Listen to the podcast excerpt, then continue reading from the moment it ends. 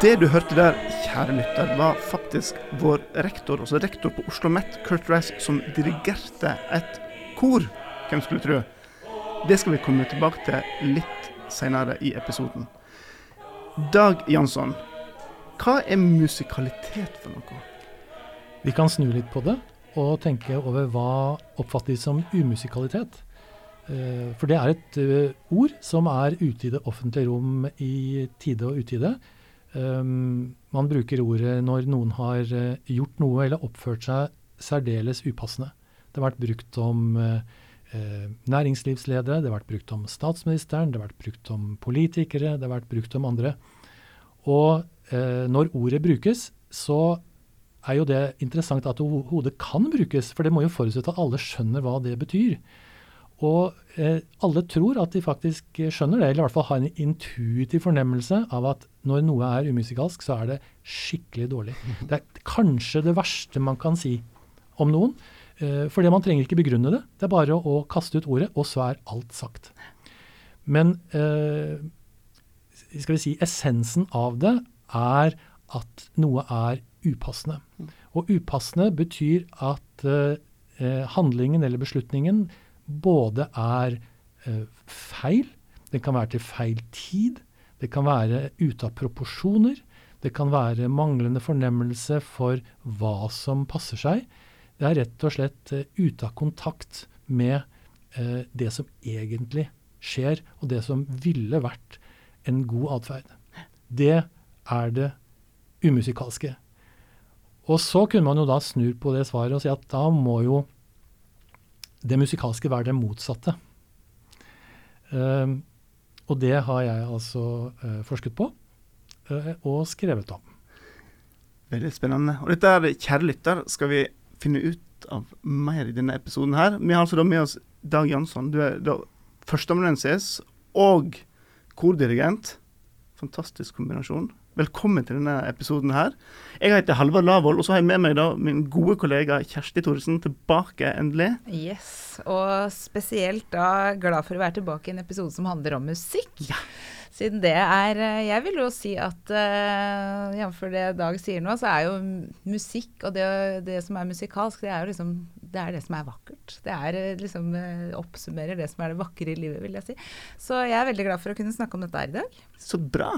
Det du har forsket på, det handler om å sammenligne musikalsk ledelse med ledelse i organisasjoner og bedrifter, eller altså generell ledelse og musikalitet i ledelse. Kan ikke du fortelle mer om hva er, hva er det prosjektet ditt går ut på, og hva er likhetene? Jeg har gjort uh, to ting. Jeg har undersøkt hva uh, musikalsk ledelse innebærer i en musikksituasjon. Og så i tillegg så har jeg undersøkt hva betyr det i andre situasjoner enn musikk. Så eh, jeg har eh, skal vi si, stått i spagaten mellom en musikkverden og verden for øvrig og forsøke å trekke paralleller. Men jeg har altså startet i musikken, inni musikken, hvordan den oppleves når alt fungerer. Og hva, hvordan er det når alt fungerer? Hva er det som skal fungere? Når alt fungerer, så er ensemblet samkjørt. Det betyr at de er samlet om et felles prosjekt, et felles uttrykk, um, hvor altså mange ulike stemmer, instrumenter, personligheter osv. er virkelig samlet i et felles prosjekt. Og dersom vi snakker om ledelse, så er ledelsens oppgave å sørge for at det skjer. Mm. Man skal ha det samme målet, at man vet hvor man skal og hva man skal få til. Og så er det om å gjøre at alle jobber sammen på, for å få til det. Men samtidig så er jo alle veldig forskjellige, og det er vel også da en utfordring for en leder, både en musikalsk leder og en eh, leder i en bedrift f.eks., hvordan man skal få samspillet mellom veldig forskjellige stemmer eller personligheter eller initiativ til å fungere sammen. Ja, og musikkens område er eh, spesielt egnet til å se på menneskelig samhandling. Fordi eh, de aller fleste som har eh, spilt i korps eller band eller sunget i kor, har en fornemmelse av at det er menneskelig kommunikasjon og samhandling på sitt beste. Enten det er eh, rockebandet som sitter tight, eller jazzbandet som har en blåserekke som bare står som en påla, eller det er et eh, kor som har helt perfekt balansert lyd, så er det en opplevelse av både kommunikasjon og aksjon på sitt aller, aller beste. Mm. Ja, for jeg, jeg, må jo, jeg, må jo, røpe såpass. Jeg har jo røpa det ved mange episoder før, Halvard. Og en grunn til at jeg er med her. Jeg spiller jo i korps og er, eh, er, er veldig interessert i akkurat dette her av denne grunn. Men, eh, men dette med å, å, få til noe sammen, sånn som du snakker om nå, det er jo En ting er at man skal levere noe sjøl, men det aller viktigste pleier vi å snakke om nå, det er jo å lytte til hverandre. Ja, og det er interessant fra et ledelsessynspunkt. Fordi eh, i prinsippet så kan et team godt greie seg uten en leder. Eller i hvert fall en posisjon eller person som er utpekt til å være en, en, en dedikert leder. I prinsippet kan et team koordinere seg uten. Uh, men dersom oppgaven blir litt for kompleks, og teamet litt for stort, så vokser det fram et behov for at, uh, at det er en, en bestemt rolle som tar ledelse. Og dette kan man jo se gjennom musikkhistorien. Hvis man går tilbake til uh, Mozarts tid og før, så uh, hadde man jo ikke dirigent. Så vokste den rollen fram ved at kanskje var det cembalisten eller fiolinisten som tok et slags lederskap samtidig som personen spilte. Og så var det først inn på 1800-tallet, i romantikken, med større ensembler, mer si, variert uttrykk i musikken. Da ble det behov for en dedikert rolle som ikke spilte eller sang. Mm. Og Hva er da hovedansvaret til den musikalske lederen, og en leder da? Hva vil du si liksom er det viktigste oppgaven? Den musikalske lederen har fire funksjoner. Den ene funksjonen er å skape mening av det musikalske materialet. Eh, fortolke det, se hvilket potensial det har. Vi kan godt kalle den rollen for kunstnerrollen. Uh, og det gjelder enten det er et uh, partitur som er skrevet, men det kan også gjelde en folkemusikkstrofe eller noe annet. Det er den ene, ene, funksjonen. Den andre funksjonen det er å sørge for at uh, den ideen om denne musikken blir til et klingende resultat. Altså med andre ord gjøre det første forsøket, som da sikkert har mange mangler og kanskje til og med feil, korrigere det, um, feilrette det, justere det, uh, forme det, slik at det blir et, det, eh, det resultatet man vil ha. Det kan vi godt kalle håndverkeren. Uh, og det musikalske håndverket har jo mange sider her. ikke sant? Alt fra gehør til instrumentkunnskap og, og vokalteknikk og hva det måtte være. Den tredje funksjonen det er at for å bringe denne musikalske ideen til et klingende resultat, så må du ha et team. Du må ha et ensemble. Og da er funksjonen å øh, frigjøre øh, det teamet til å gjøre det, sette det i stand til å gjøre det. det. Til dels handler det om veiledning, men det kan også handle om krav. Og det kan handle om inspirasjon, og det kan handle om alle de tingene som skal vi si, entusiasmerer ensemblet til å produsere den lyden. Mm. For det er en påminnelse som jeg stadig må gjøre overfor meg selv, og som er skal vi si, selvfølgelig og triviell, men som allikevel er fundamental, og det er at dirigenten lager ikke lyd. Sjefen lager ikke resultater. Eh, Statoil-sjefen produserte ikke olje. Det er veldig lett å tenke seg at ledere hele tiden leverer, men de gjør faktisk egentlig ikke det. Det er teamet som leverer. Så funksjonen til den musikalske lederen det er å sørge for at teamet kan levere. Og så har vi, eh, og denne, denne, tredje funksjonen kan vi jo kalle mange ting. Vi kan godt kalle det mentor, eller mentorskap. Um, og den fjerde funksjonen, det er, kan vi kalle administratoren. Det er det å sørge for at settingen gjør det mulig å gjøre dette.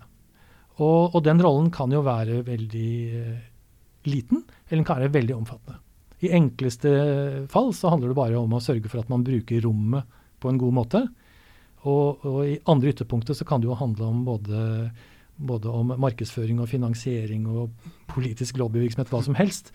Så det er jo et, er jo et voldsomt spenn der. Men de fire funksjonene er, er det lederen eh, må ta hånd om. Enten de skal tas hånd om på beskjeden måte ved at det er lite som kreves, eller at det er mye. Mm. Men du, Dag, det du nå da har gjort, er at du setter ledere som ikke kanskje har noen erfaring med kor eller musikk, helt tatt, og så setter du framfor et kor og gir dem beskjed om å, om å dirigere. Eh, hva i all verden er poenget med det? Er det noe å hente på eh, en så nesten kanskje for noen grusom opplevelse?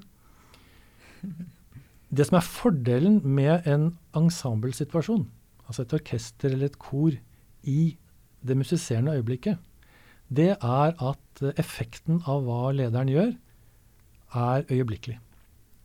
Og det er en ganske unik situasjon. Det er veldig få ledelsessituasjoner som gir lederen mulighet til å erfare virkningen av hva han eller hun gjør, eh, raskt. Det tar eh, kanskje en time å få reaksjon på en e-post. Det tar eh, et år å se effekten av et budsjett. Det tar kanskje flere år å se effekten av en strategi. Eh, altså det er store tidsspenn vi snakker om i ordinære organisasjoner. Men i musikkens område så er det veldig raskt. Og det å gi ledere erfaring med hvordan de virker, det er poenget. Sånn sett så blir da koret et speil hvor det er umiddelbart. Man kan oppleve seg selv umiddelbart. Og det, eh, og det, å gi ledere erfaring med det, det er nyttig. Da er det mulighet for lær, lærdommer som man ellers ikke så lett får fatt i. Mm. Det fins eh, et poeng til, og det er at, eh, at i skal vi si, vanlige organisasjoner så oppfattes jo ledelse normalt noe som er veldig språklig. Ledere snakker masse. De mener masse.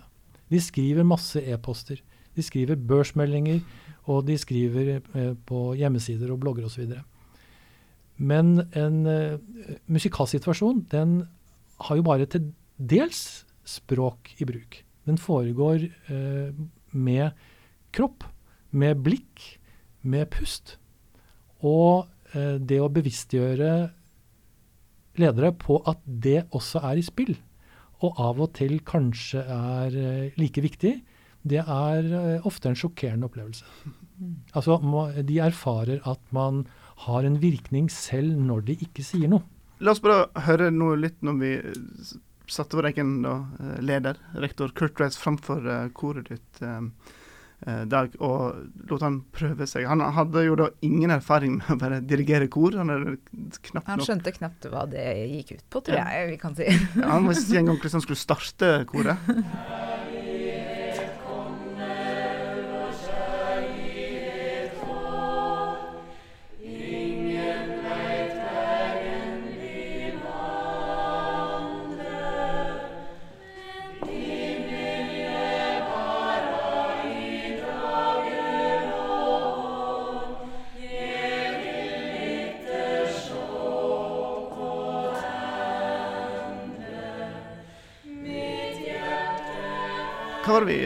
egentlig hørte her, Dag? En god, eh, god dirigent? God leder? Eh, Kurt eh, var en klok mann. Han forsto at han var på et felt hvor han ikke hadde full innsikt og full kunnskap. Og hans naturlige tilbøyelighet da var å overlate til koret å greie brasene. Um, det er ikke alltid at ledere innser det. Men han gjorde det, og da går det ganske bra. De fleste team da vil jo være at man har en sammensatt uh, gruppe med mennesker som er, har forskjellig, uh, forskjellig bakgrunn og har, er gode på forskjellige ting. Og i det hele tatt, det er jo ikke alltid gitt at man får på en måte frigjort eh, det som leder eller dirigent. Da. Det man ønsker å, å få liksom, resultatene til å komme med en gang. Man må jobbe mye sammen. Det krever mye jobb.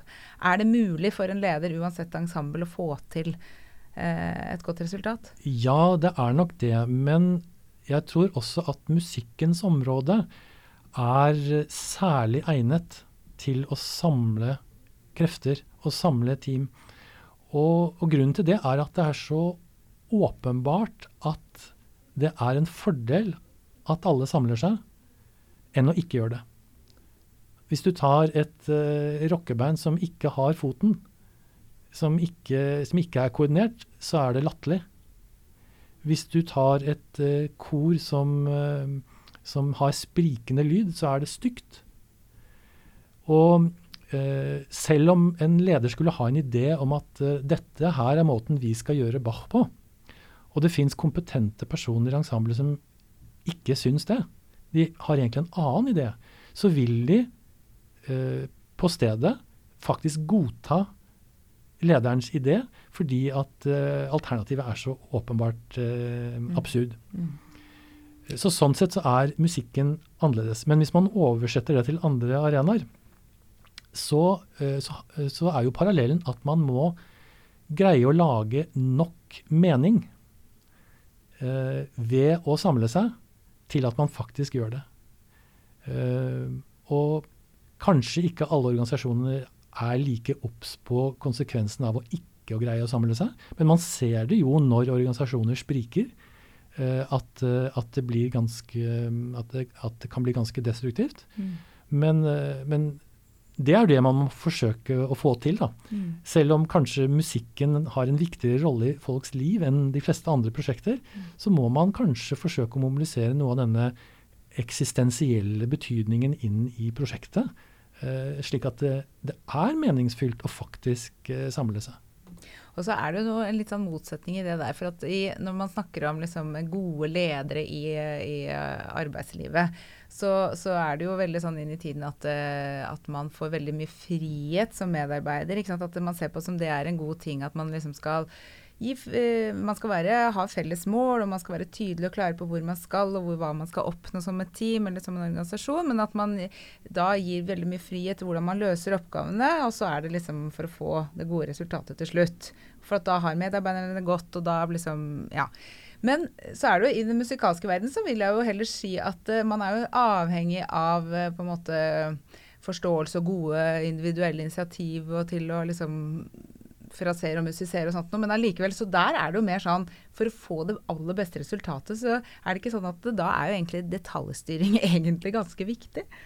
Fra en leders side. Jo, og det der er det store paradokset. Uh, og det er nettopp i det paradokset som nøkkelen til musikalitet i en ordinær organisasjonssammenheng ligger. Fordi som du sier, så er du faktisk avhengig av maktutøvelse.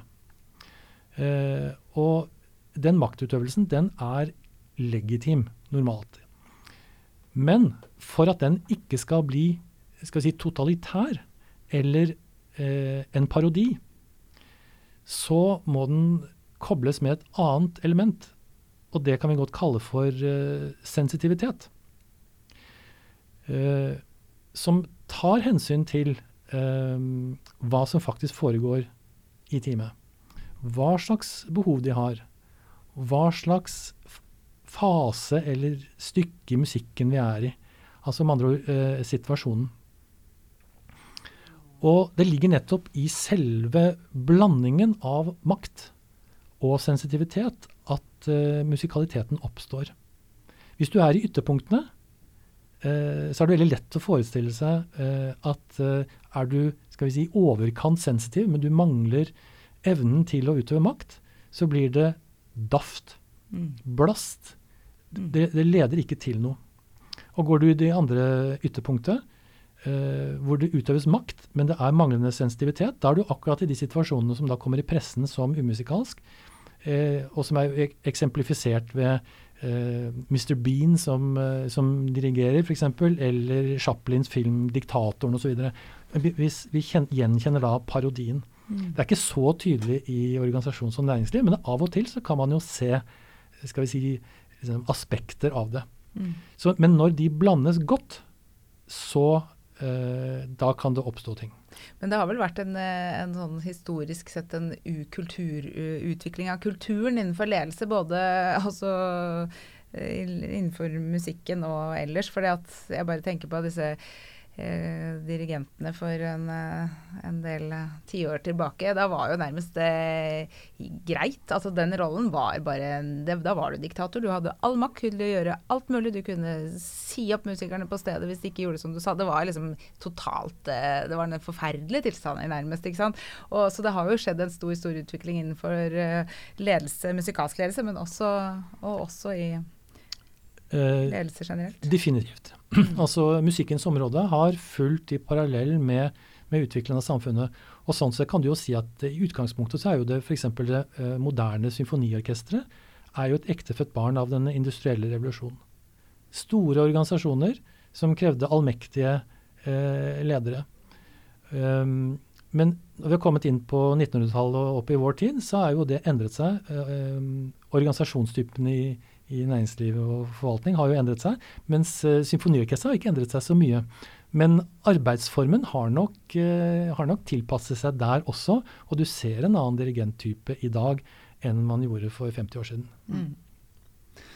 Men du, du driver og inviterer inn ledere og får lov til å prøve seg på uh, som dirigenter. Sånn som du fikk Du testa ut Kurt på, som vi har hørt nå. Hva, hva, sier disse lederne når de blir eh, satt framfor koret, og, og, og, hva slags opplevelse har de? Uh, den opplevelsen er en blanding av uh, skrekk og fryd. eh, altså Skrekken ligger i at det er veldig nakent. Det er ganske skremmende å stå overfor en, en gruppe på, på 15-20-25 mennesker som bare ser på deg, og som er klare til å respondere på deg og, og dine signaler. Det er skummelt. Og idet man begynner å gjøre noe, så ser man faktisk også at det har en effekt. Og den umiddelbare effekten den er ganske skremmende når man ikke er vant til den umiddelbarheten. Samtidig så er det jo ofte da en, en fryd og en glede å oppleve at oi, det blir fin musikk, eh, eh og jeg har en finger med i det spillet. I hvilken grad klarer de å, å, ta med seg noen erfaringer og noen uh, observasjoner over i jobben sin som leder, da? Det varierer nok litt mellom deltakere, og hvor de er i sitt liv og sitt yrke, og, og om de er si, klare til å ta inn erfaringen. For, for de som um, um, si, har mest utbytte av det, så er effekten ganske, ganske radikal ofte. Eh, at, eh, og grunnen til at den lærdommen sitter litt i, det er at lærdommen er kroppslig. Uh, og, og, og kropp, kroppslig lærdom sitter bedre enn lærdom som kun er en tanke. Mm. Men hva sånn konkret kan du liksom si at de, de tar med seg over i jobben? Si, uh, et av de mest typiske eksemplene er at dersom du som leder, som ikke da egentlig kan dirigere, forsøker å overstyre, eh, så vil det normalt kollapse, eller at teamet blir utmattet. Eh, at det kollapser, er jo fordi at det er ikke nok meningsfylte signaler. Men dette med utmattethet er også ganske interessant, for der er parallellen til, eh, til næringslivet for øvrig ganske stor. Og det er at dersom du som leder overmater en organisasjon med signaler, Altså enten for mye eller for hyppig, eller rett og slett en slags eh, over, overload på hva som de kan ta, og du gjør det over litt lengre tid, så blir organisasjonen utmattet. Uh, og dermed så kan det kollapse av det. Så det er en, en relativt vanlig erfaring.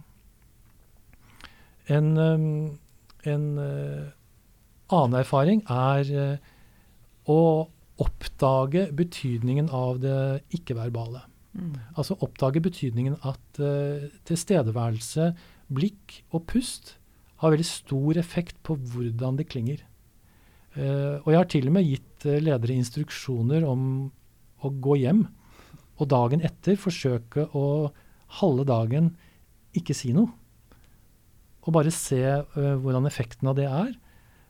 Og erfaringen med det har vært at de ble oppfattet å være ganske effektive. Eh, og det var ikke upassende i det hele tatt. Mm. La oss si du tar et profesjonelt orkester, så vil jo alle i det orkesteret være så profesjonelle at de vet hva de skal gjøre til enhver tid. Mm. Men allikevel så vil det finnes partier i musikken som er av en sånn art at det faktisk krever detaljintervensjon. Mm. Og da er det helt legitimt. Og hvis man da ikke gjør det, så, så vil jo selv den ypperste profesjonalitet ikke kunne hjelpe deg. Jeg har hørt dirigenter som sier at det er jo befriende at man får noe igjen, også et initiativ fra musikerne. At en ting er at, eh, sånn som du sa i stad, at dirigenten har den der rollen som kunstner, nærmest den overordna kunstneren som skal liksom forme det og si at sånn skal det være. Men i det spillet det blir mellom dirigent og musikere, at man også får initiativ fra musikerne ikke sant, til å svare på den responsen som gis fra en leder, det er også vel Vil du ikke si også at det er viktig for å få et godt resultat? Absolutt. Mm. Uh, og det handler jo litt om hva slags uh, si, grunnsyn man har for organisasjonen. Hvis man ønsker en organisasjon som har en god porsjon individualitet, så må man faktisk slippe løs den individualiteten. Men uh, den må jo da, må jo da si, formes i, i, prosessen. Men det fins jo også ledere, både i musikkens verden og utenfor, uh, utenfor som har mer en ideologi at, at det blir som jeg vil. Og man ønsker egentlig samkjøring, punktum. Og er ikke så opptatt av det. og det kan også gi et bra resultat, men det blir et annet resultat. Og de som deltar, vil ha en annen opplevelse. Så sånn sett kan man jo, eh, man kan jo eh, Noen ville sammenligne dirigentrollen med et eh, keyboard. Altså at ensemblet er et keyboard. Eh, og da vil man jo få et veldig presist eh, uttrykk. Da trykker du på en knapp, så får du det du vil ha. Men eh, den metaforen er ikke veldig god dersom du ønsker et annet liv i musikken. da kan du ikke bruke keyboard-metaforen. Da må du tenke på ensemblet som subjekter som har sin egen vilje, sin egen musikalitet, som, eh, som du må la komme fram.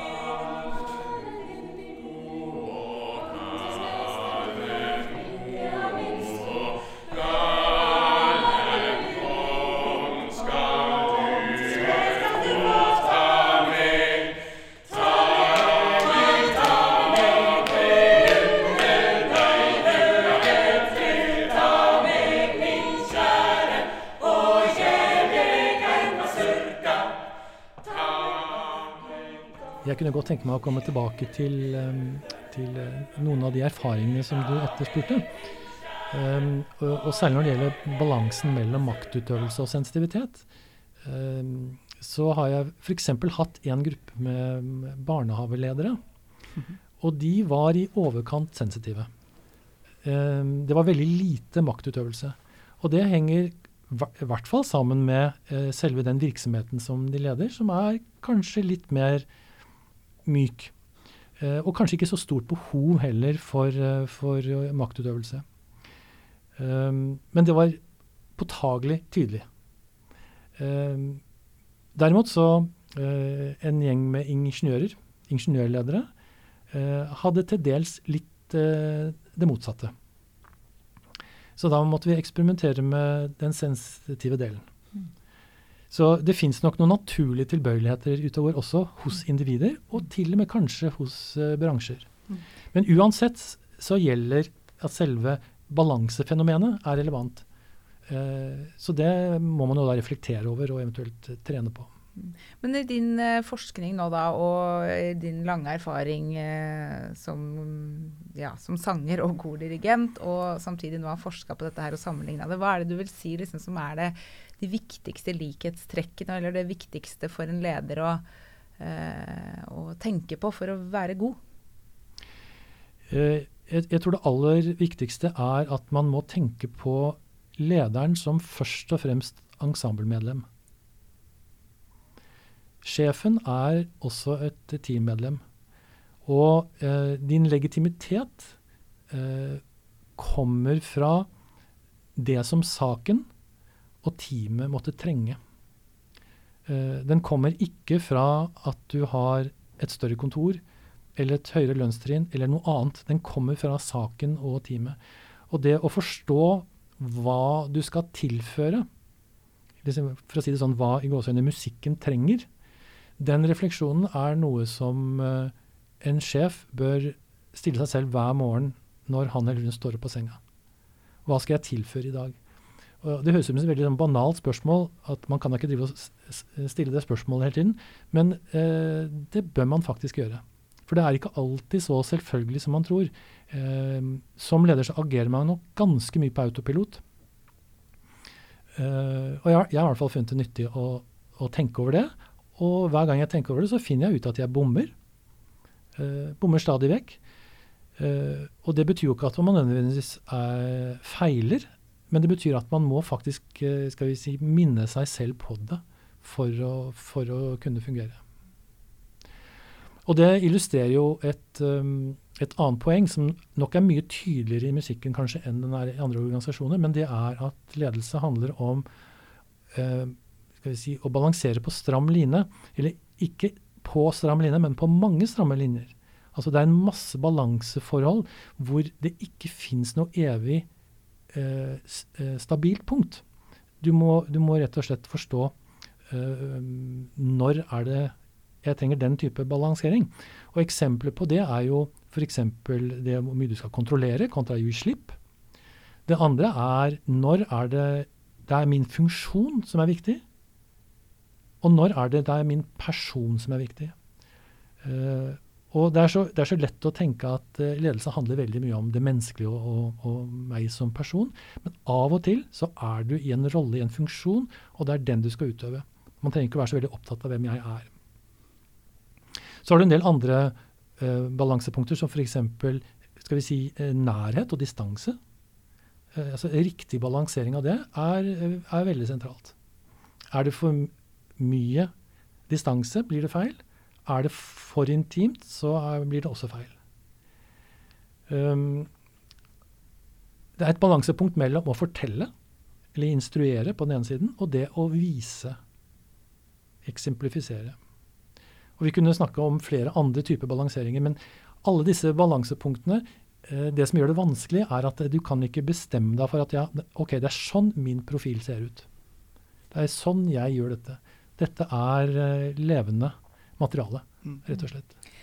En ting som jeg er nysgjerrig på hva du vil si og om, eh, svare på, og det er dette med Du sa i stad at det er viktig at en dirigent og en leder er en del av teamet føler seg som en del av teamet og forstår at han er det. Eh, kan man bli en god dirigent, skråstrek leder, hvis man ikke er musiker eller har førstehåndskjennskap til den jobben som skal gjøres? Altså er eh, Altså, ja. Man må ha den der fagkunnskapen som de man leder. Det der er jo et av de evige spørsmålene i ledelsesteori. Og hvis man tar musikkens område først, så er jo det enkle svaret at uh, en dirigent må kunne det musikalske materialet ut og inn. Og, og det er jo normalt slik det er. Det, det, er kanskje et av de ypperste eksemplene på det. Altså være musiker selv, rett og slett? Være musiker selv. Mm. Uh, og i praksis betyr jo det også at uh, du er sanger eller instrumentalist. At du kan instrumentteknikken. Man, du kan faget til det teamet du, du leder. Mm. Så det er jo det enkle svaret. Men når det er sagt, så har jo de eksemplene vi har snakket om i næringslivsforstand, og, og la andre være prøvekaniner, så er det jo også sånn at du faktisk kan tilføre noe. Selv når du ikke har den fagkunnskapen. Eh, det er ikke noen anbefaling at det er sånn man gjør det. Du, du vil ikke putte en hvilken som helst person foran Filharmonien eller i operaen eller et, eh, et, eh, kor i og for seg. Men, men, om du gjorde det, så ville det ha en effekt. Og hvis materialet er enkelt nok, så vil det kanskje til og med være både vakkert og morsomt. Men, men det, er, det, er, jo da mer en, en, en skal vi si en, en morsom, interessant observasjon mer enn en anbefaling. Så kan man jo da tenke over i andre organisasjoner. Og eh, jeg tror også det enkle svaret her at det handler om, til dels om hva, hva er saken. Hva er i gåseøyne musikken? Er det en prosjekttype, en organisasjonstype, som, eh, som er veldig drevet av det faglige innholdet, eh, så er det jo mye som taler for at man skal kunne det faget. Man, man kan jo ta noen åpenbare eksempler, sånn som eh, sykehus eller politi, ikke sant? Som er kanskje noen av de klassiske arenaene hvor man diskuterer det. Og kan du si at Noen av disse organisasjonene er såpass store at det er mulig å lede dem uten å kunne det. Men eh, det har noen eh, store ulemper. Det er ingen tvil om det. Og de må jo da kompenseres. De må kompenseres ganske kraftig. Så har man det tredje poenget, og det er at uh, det kan også være situasjons- og tidsepokebestemt.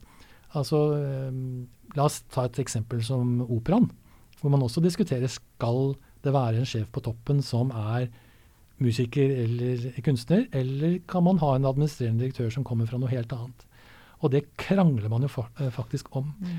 Og eh, erfaringer eh, rundt omkring viser nok at det er ikke ett evig svar på det. Det er både avhengig av hvilken situasjon befinner denne organisasjonen seg i nå, og selvfølgelig personen vi snakker om, um, og hva slags strukturer som finnes for øvrig. Men bare for å ta det med situasjon, altså f.eks. operaen som da har et veldig stort pensjonsproblem, så kunne man argumentert for at uh, en forutsetning for kunstnerisk frihet det ville være at man greier å håndtere det problemet godt. Mm. Og det er ikke sikkert at du trenger en kunstner for å håndtere det problemet godt. Mm. Så paradoksalt nok så ville da en ikke-kunstner kanskje være den som mest effektivt kunne bidra til kunstnerisk frihet. Mm. Eh, kunne man argumentert for. Så kan man argumentere den motsatte veien også. Men, men, det viser at det er ikke så enkelt at det er sånn eller sånn det må være. Uh, nå, nå, nå, fikk jeg lyst til å spørre deg om ting. For at eh, du i din sammenligningsarbeid da, med den musikalske verden og øvrig arbeidsliv, er det lettere å lede vanlige arbeidsfolk enn musikere, eller? Eh, Hva vil jeg, du si? Jeg tror at det enkle svaret her at i den musikalske situasjonen så er et musikalsk ensemble lettere å lede. Fordi at eh, det er så åpenbart at man skaper mer mening og bedre retning ved å samles om det, den klingende musikken. Mm. Men om det er lettere å lede kunstnere utenfor selve den utøvende situasjonen, så tror jeg nok svaret til dels er eh, motsatt. Ja. I hvert fall kan, kan være motsatt. Og det handler jo om at du har veldig sterke eh, profesjonister. Mm. De har yrkesstolthet, de vet hva de gjør, de lar seg ikke plukke på nesen. Man, mange positive ting med det, men kan være litt som å gjete kongens harer. Mm. som kanskje forskere og akademikere på Oslo OsloMet. Men du, Dag, nå har du eh, forska lenge på dette her, og du har til og med enda opp med ei hel bok, 'Leading Musically', eh, som du har kommet med for ikke så lenge siden. Eh, hva skjer nå? Skal du bare ut og drive med ledelsesutvikling nå, og eh, ta med koret ditt, og Eller har du andre prosjekt på gang? Ja, det jeg holder på med nå, er å skrive på flere artikler sammen med kolleger på, ved Handelshøyskolen, som handler om, eh, til dels som handler om ledelse, men også eh, en undersøkelse vi har gjort av uh, dirigenters syn på ulike kompetanser i tre land, nemlig Norge, Sverige og Tyskland. For å se på en rekke ulike kompetanseelementer som inngår, hvordan de vurderer dem, og hva som uh, hva som er både forskjeller og hva som er likheter mellom land, uh, profesjonalitetsnivåer, utdannelsestyper osv. Mm. Spennende. Hva vil du si, eh, sånn, for å begynne å runde av i all denne jobbinga di, hva vil du si, har du lært noe om deg selv og din egen kordirigенtrolle? Hva er dine styrker som leder, musikalsk leder selv? Hva er det altså, du har lært mest av? Den, den, største lærdommen er en slags sånn skrekk over hvor mange krav som inngår. Og hvor umulig det er å imøtekomme dem alle. Uh, og i hvert fall hele tiden. Uh, så sånn sett er det ganske depressivt å forske på det. Fordi man, man oppdager sin egen utilstrekkelighet. Uh, men hver gang man, man, får kontakt med sin egen utilstrekkelighet, så er svaret alltid å gå vekk fra selvopptattheten og gå inn i saken. Altså gå inn i musikken. Å konsentrere seg om det, og ikke, ikke være så veldig opptatt av denne feilbarligheten. Jeg har i hvert fall hatt en veldig flott samtale med deg her. Lært mye, så det kan du være godt fornøyd med. Det er kanskje nyttig, nyttig informasjon for oss som skal bli leder òg, og vite litt om hva så lederne Ja, balanserer mellom, som du har vært inne på. Mm. Eh, Dag Jansson, tusen takk for at du ville komme og, og dele dette med oss. Det har vært veldig lærerikt. Um, du som hører på, hvis du er mer interessert i temaet her, så skal jeg bare gå på eh, nettsidene til podkasten. Der skal vi lenke opp til boka, relevante artikler. Der vil du òg finne en eh, video der du kan se hvordan det gikk når altså Kurt Rice prøvde å, å dirigere et kor eh, med hjelp av Dag, som ga gode tilbakemeldinger underveis. Og så tror jeg vi, vi må nesten avslutte med hele podkasten med litt sang. Så da skal du la koret ditt, Vox Humana, synge, og, og da igjen dirigert av, eh, av Kurt Rice. Hva, hva låt syns du vi skal avslutte med? Da syns jeg vi skal ta kjærlighetsvisa til Alf Prøysen. Ja. Det, den, hva syns du resultatet var av den eh, dirigeringen til Kurt? Han, Fikk han ut kjærligheten? han var i stand til å tilføre kjærlighet når det var det som var oppdraget. og han greide å få dem litt kaldere når han oppførte seg kaldere. Ja. Sånn det var. Tusen takk. Takk for oss. Kjærlighet